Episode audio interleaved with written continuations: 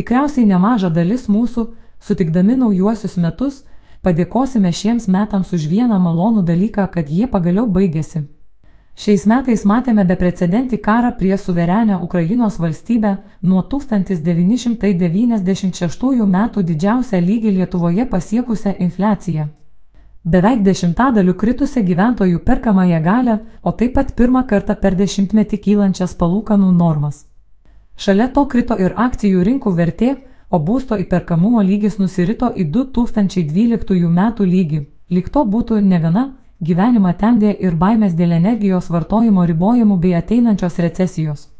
Atrodo, kad norint detaliai išvardinti visus praėjusių metų sunkumus ir iššūkius, neužtektų ir kelių valandų, o kur dar ir sunkiai pamatuojamos bei įvertinamos šių įvykių pasiekmės - baimės, nerimas ar net depresija.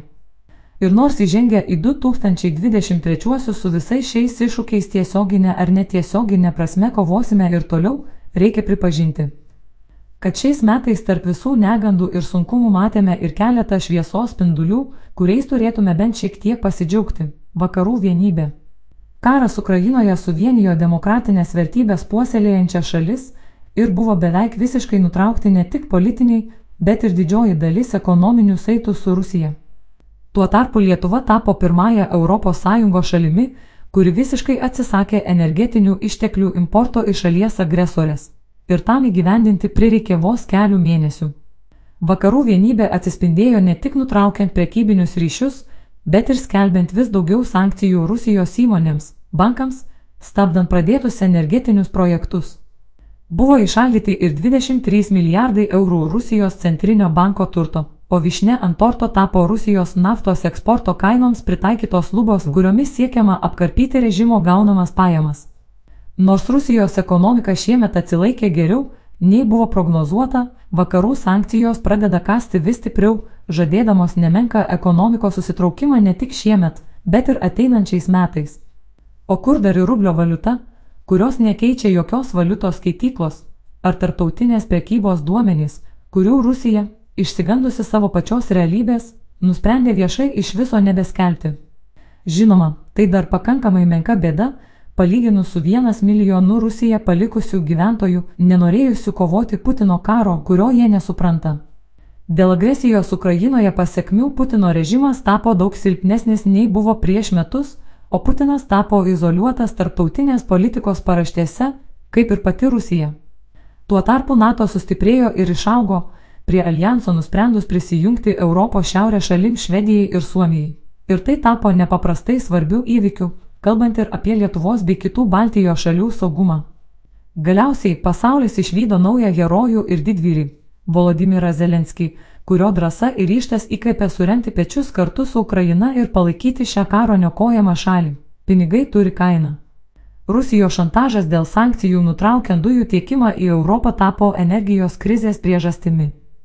Tačiau Europa įrodė, kad į gyvybiškai svarbę energetikos infrastruktūrą gali investuoti daug greičiau, nei buvo galima tikėtis dar karo pradžioje. Tuo tarpu įmonės bei gyventojai ieškojo būdų, kaip sumažinti energijos vartojimą ir išvengti pesimistinio scenarijaus ribojant energijos tiekimą.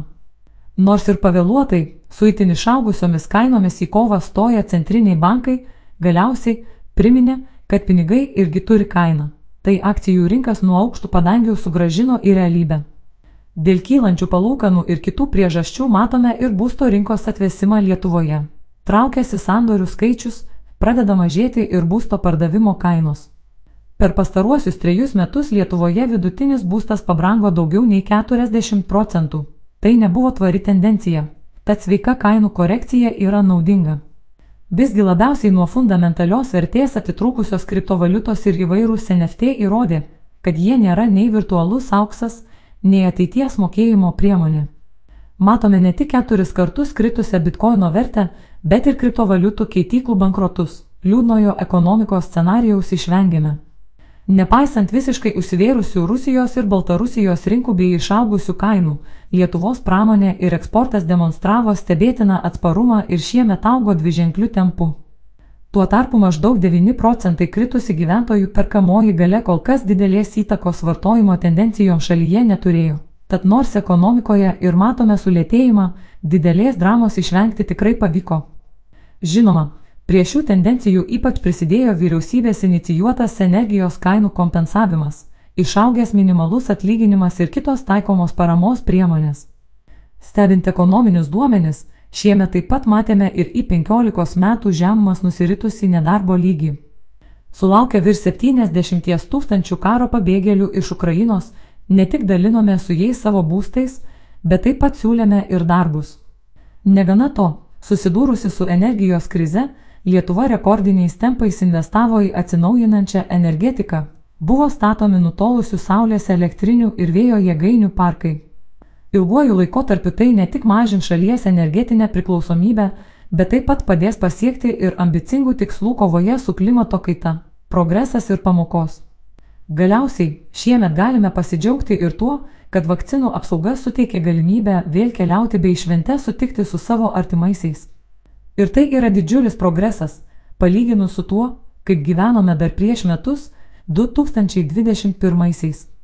Karas suverenioje Europos valstybėje, nesuprantamų ir nepaaiškinamų tikslų turintys diktatoriai, dviženklių tempų kylančios kainos ir paskolų įmoko šiemet tikrai neleido atsipalaiduoti. Visgi visų šių iššūkių dėka gavome ir labai vertingų pamokų, nuo suvokimo, kokie neprognozuojami gali būti ryšiai su autoritariniais režimais. Iki pasiryžimo padaryti daug daugiau ir daug greičiau dėl šalies energetikos nepriklausomybės ir saugumo.